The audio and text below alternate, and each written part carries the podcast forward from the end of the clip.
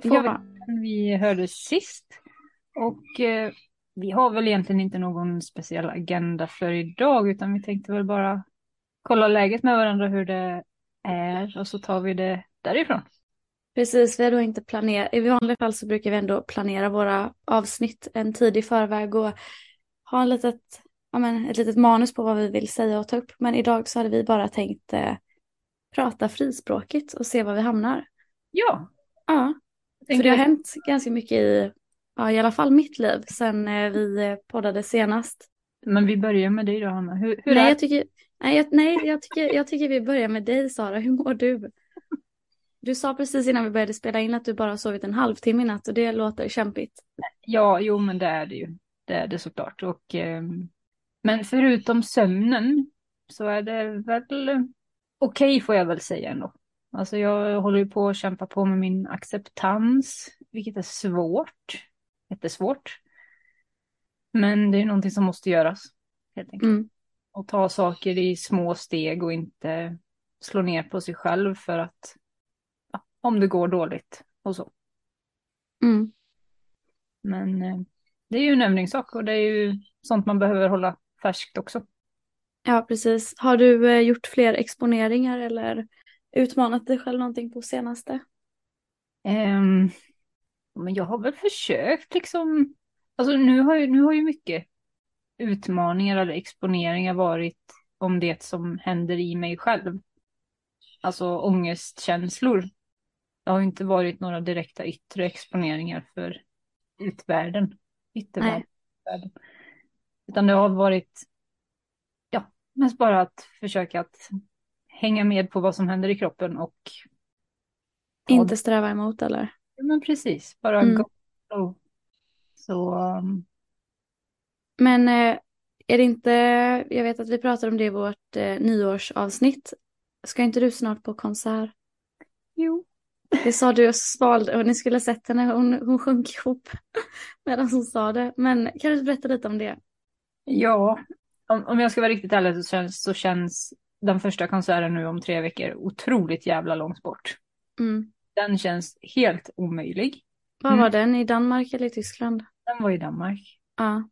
Men å andra sidan så vet jag, jag vet ju att jag kan inte hålla på och tänka tankar längre fram utan jag måste vara här.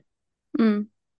Och jag försöker väl på något vis eh, få ihop mina tankar och ja, det är därför jag övar så mycket på det här med att inte vara i mig själv så mycket.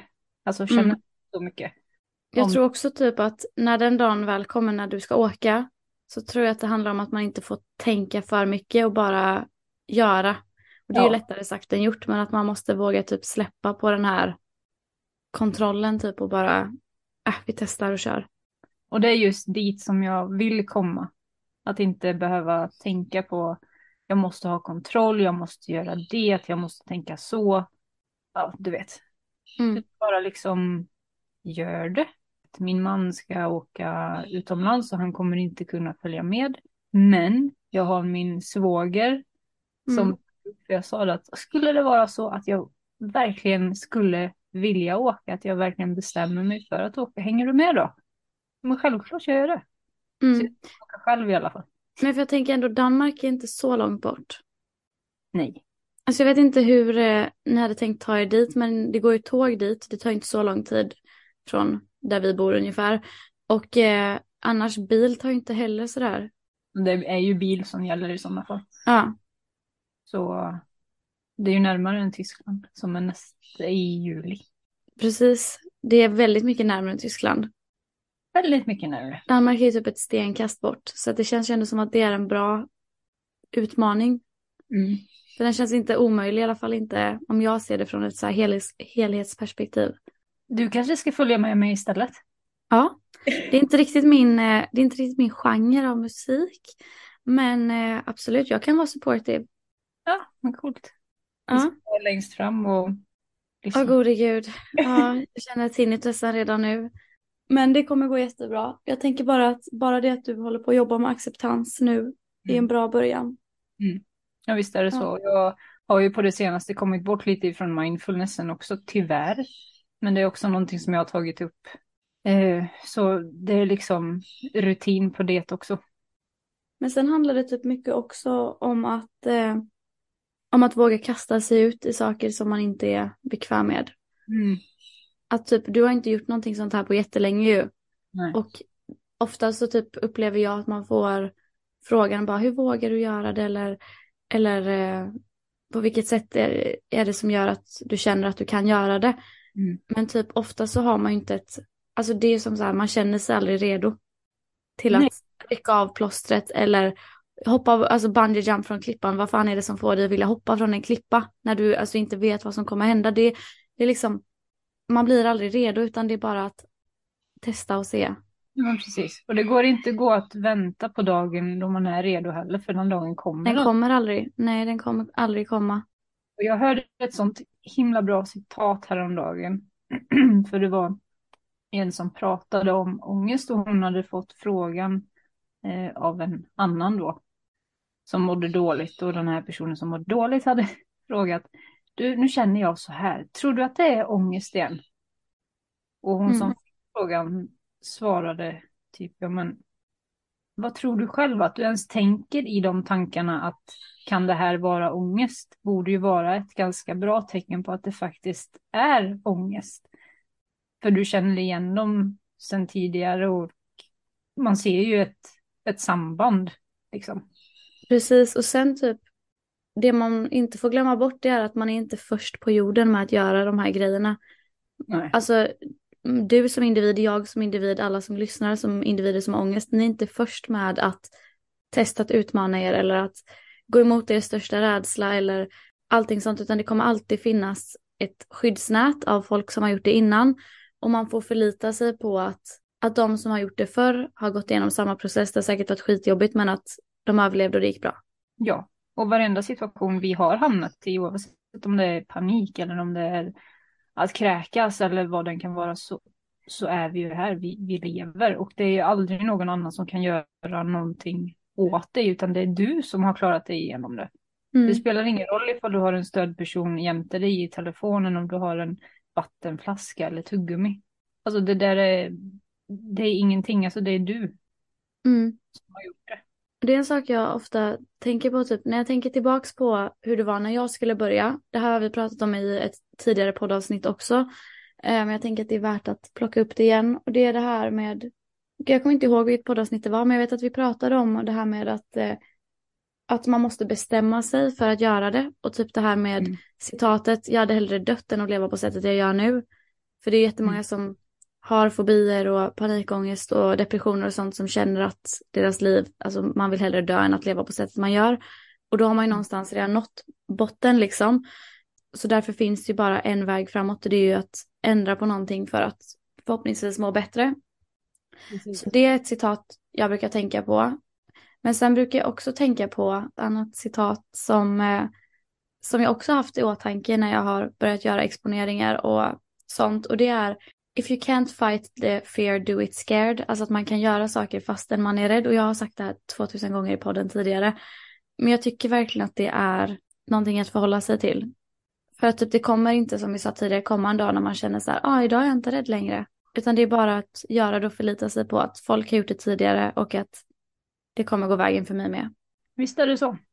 Och sen måste man ju komma till den punkten där, alltså jag tror man måste nå botten för att vilja, eller inte vilja, men att, att ändra på sitt mindset, tänkes, tankesätt. Mm. Verkligen att nu är det nog. Jag tror det med, men det känns som att det är ganska många som tänker att de inte har nått botten men har nått botten ändå. Mm. Typ bara det att om man, hell- om man kan säga som emetofob så här, jag hade hellre dött än att spy. Mm. Då sitter du på botten. Mm. Och typ när man inser att sitt liv är så begränsat så då har man också nått botten. Så jag tror bara det handlar om att man måste bestämma sig och göra det och tänka i efterhand istället för att tänka i förhand. Ja, jo men så är det.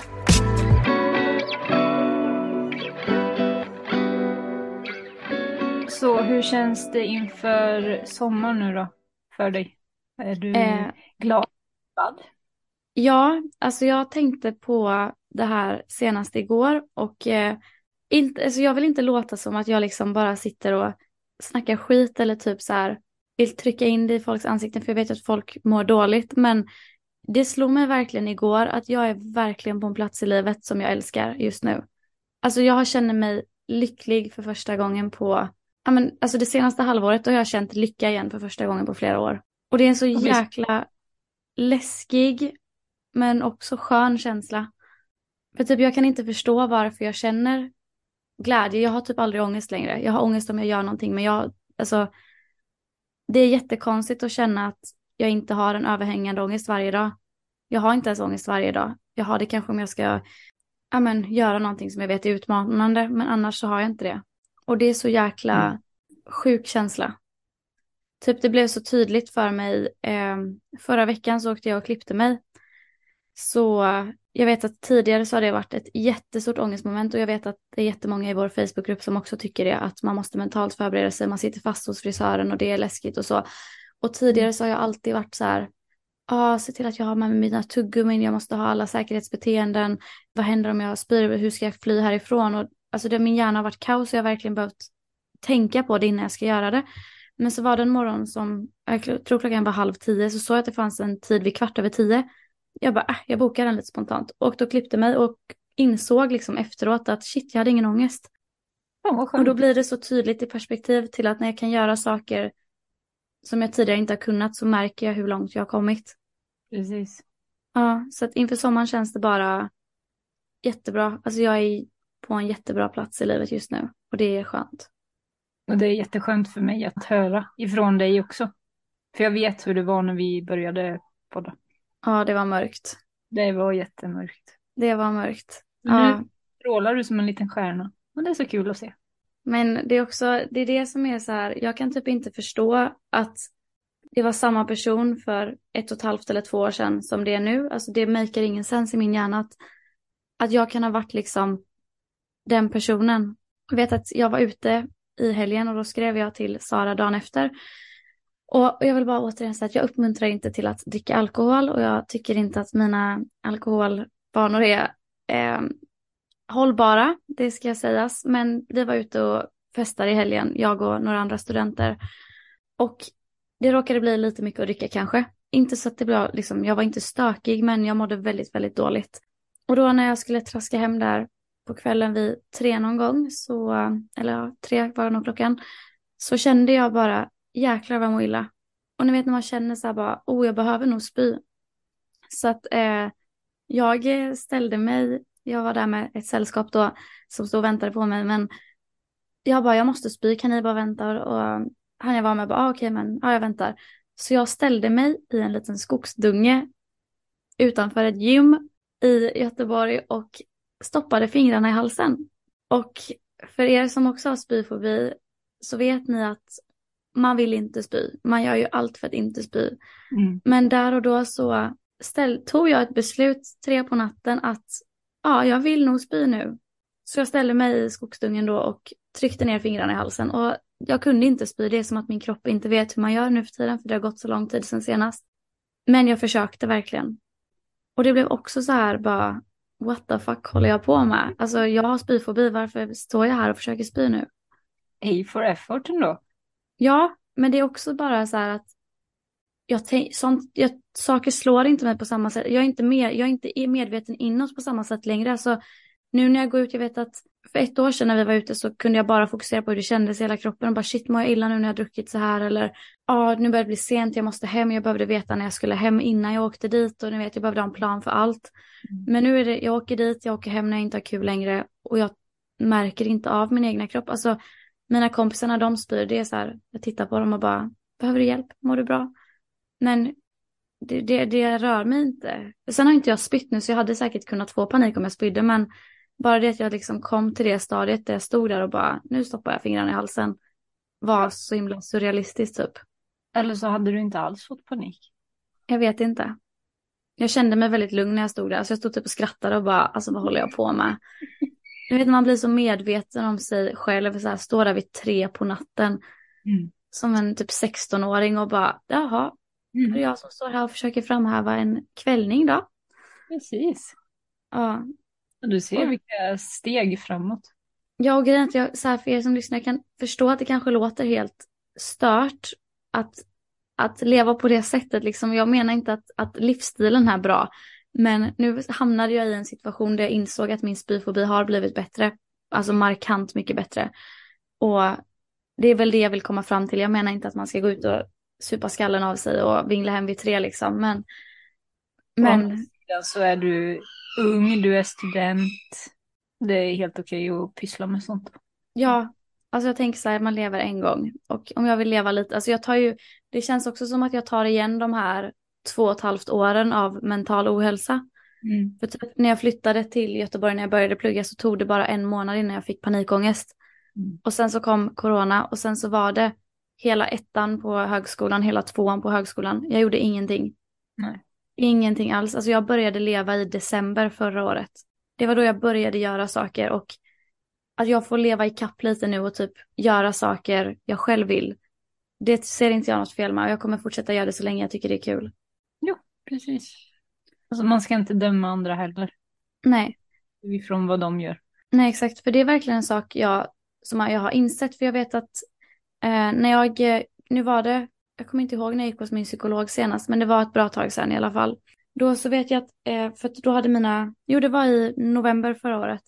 Då vet jag att vi hade, min behandling tog slut för att vi hade löst problemet. Jag kunde åka buss liksom, det var behandlingsplanet. Jag skulle kunna ta mig till skolan eh, med normal ångestnivå och det löste vi.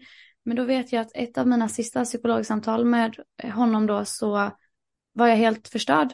Men då vet jag att jag tänkte att jag funkar ju som människa. Jag, jag lever ju, jag kan ta bussen, jag kan gå till affären, jag kan hänga med kompisar, jag klarar skolan. Men så hade jag ändå den här mörka, mörka känslan av att jag var rädd att jag aldrig skulle kunna känna lycka. Eller glädje för den delen. Eller att det alltid skulle kännas som att en tung ångestvåg hängde över mig. För trots att jag inte får panik när jag åker buss var det ändå en jobbig känsla kopplat till det. Och jag vet att jag var så jäkla rädd för att det kändes som att jag bara existerade och inte levde. Mm. Och det, det är en sak jag tänker på ofta, typ att så här, existerar jag nu eller lever jag? Just. Och då vet jag att jag ställde frågan till honom att så här, kan jag bli lycklig igen? För att jag ska ärligt säga att jag i november förra året så trodde inte jag att jag kunde bli lycklig. Och det låter helt förfärligt och det var helt förfärligt. Och jag var så himla rädd över att hela mitt liv skulle gå runt till att bara existera. Mer Mm. eller mindre. Att jag, så här, jag klarar mig, jag mår inte akut psykiskt dåligt, men jag känner ingen glädje. Så det vet jag att jag var skiträdd för, men det som har slagit mig nu när jag på riktigt med handen på hjärtat kan säga att jag är lycklig, det är att man hittar inte lycka, man skapar sin egna lycka. Väldigt fint sagt. Mm. Det är en sak man ofta glömmer. Ja, och jag tror också att det är viktigt att ha framtidsdrömmar och små mål. Jag är ju Mm. mål liksom. Och, Precis. Det behöver inte vara stora grejer heller egentligen. Nej, absolut inte. Bara man har någonting att sträva efter. För har man verkligen ingenting och allting är nattsvart, så vad fan ska man då kämpa för? Det, det, det säger ju sig självt. Men har du till exempel nästa år, ja men du kanske ja, har bokat en, en resa eller vad som. Men då har du det att jobba emot. Mm. Vad det än kan vara liksom. Men sen tycker jag ofta att man hör att synen på lycka, jag tycker att den är skev. Från att kunna sätta från båda perspektiv. För jag vet att jag undrar alltid bara hur ska jag bli lycklig? Hur ska jag hitta lycka? Mm. Men om du har tur så hittar du lycka i små saker i vardagen eller i ditt liv som kommer upp. Mm. Men det svaret som jag har insett, eh, som jag tror ganska många, det är så för många men att man kanske inte inser det förrän man får det påtalat, det är att man hittar inte lycka, man skapar sin egna lycka. För att det jag började göra som fick mig att må bättre, det var att börja göra saker jag ville. Precis. Då vet jag att precis, eller i eh, november då så var det några månader sedan jag och min före detta sambo gjorde slut då. Då hade jag bara gått runt och tänkt, alltså jag var ledsen, jag vet inte om jag var så ledsen över det egentligen för att jag mådde bättre när jag gjorde slut men, men jag vet att jag kände bara en tomhet i livet som jag inte hade känt tidigare. Och där och då så, eftersom att jag bara hade mig själv då, för jag var inte i ett förhållande längre, så handlade allting om vad vill jag nu då, helt plötsligt. Mm. Och jag tror att det är nyttigt att ändå tänka så här, vad vill jag? Vad gör mig lycklig? Och man behöver typ inte heller ha svaret på vad som gör en lycklig, utan jag tror att det handlar om att testa sig fram. Och när man märker att man hittar någonting man tycker är kul att göra eller som man finner glädje i, så fortsätt med det. Mm. Ja men precis. Och jag menar det är ju inget, allting är ju så himla individuellt också. Mm. Det går ju inte att säga om man gör det här så är du superlycklig. Nej, för det kan verkligen vara små saker i vardagen. Till exempel, blir du, får du lite lycka av att bädda din säng varje dag? Gör det. Jag bäddar min säng varje dag för jag blir så här, när jag gör det så får jag en känsla av, ah shit, jag har, jag har uppnått någonting. Jag har gjort någonting idag. Och bara en Mm. sån liten, egentligen skitsak gör mig lycklig. Att typ eh, köpa hem någonting gott på fredagar gör mig lycklig. Att kunna gå och träna när jag vill gör mig lycklig.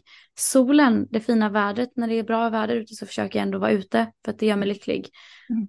Kompisar gör mig lycklig, gå ut och festa med mina kompisar gör mig lycklig. Alltså, man får hitta de små sakerna i livet som gör en lycklig. Det är så Mm. man blir lycklig har jag kommit fram till.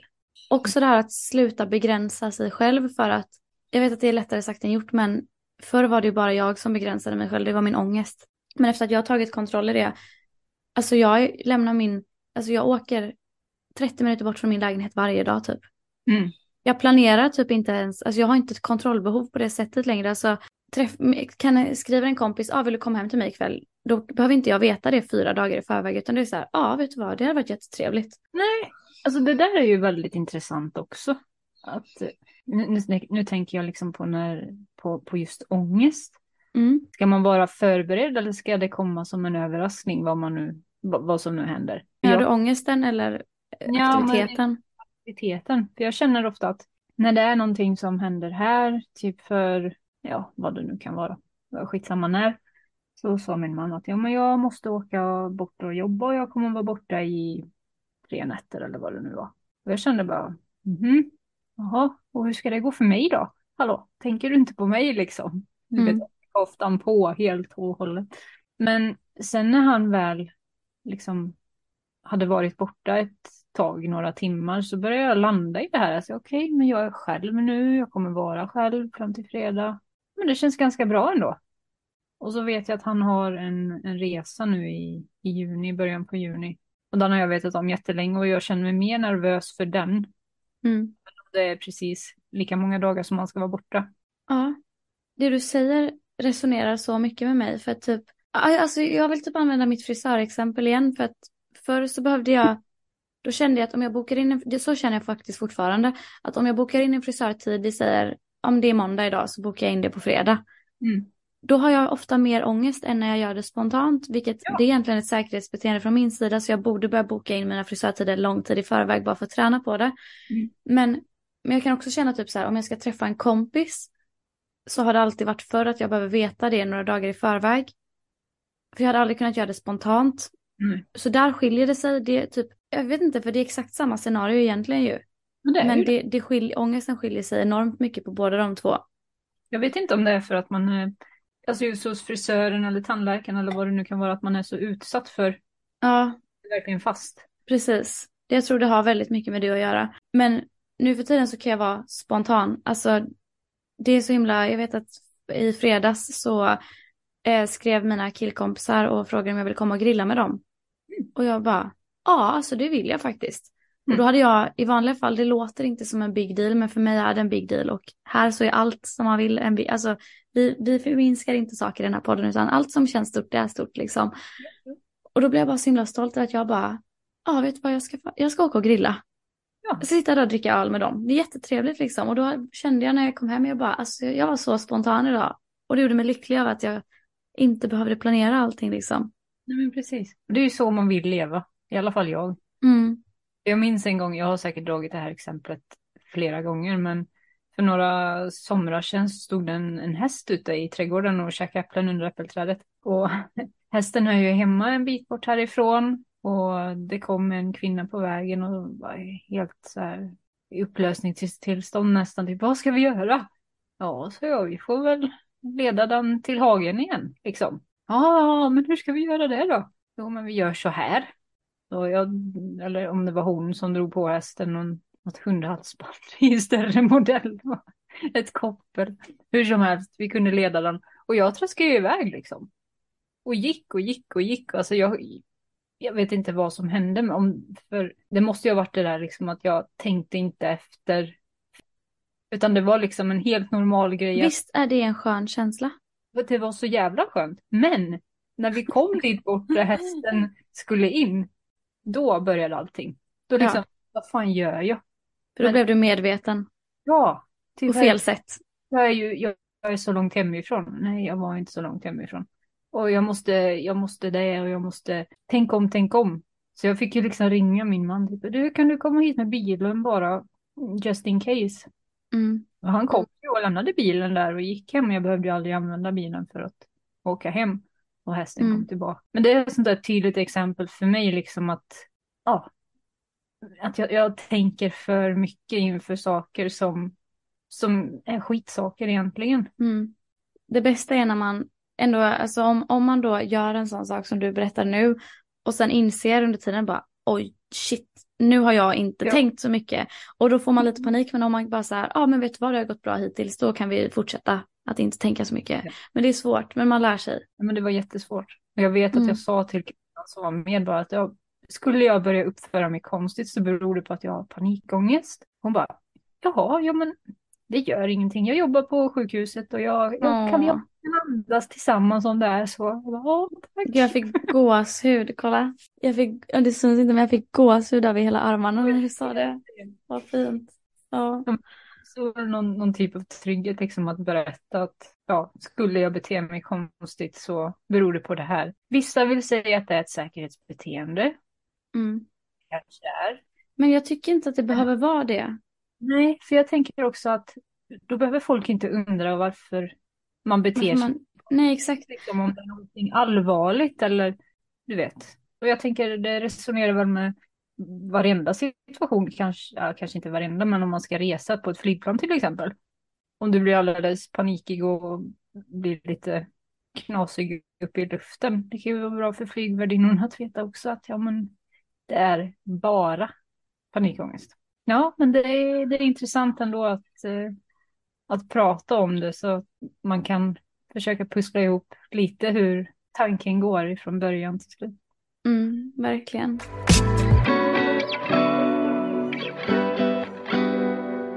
Men eh, hur ser dina planer ut nu framöver? Förutom att du har en konsert i juni, va?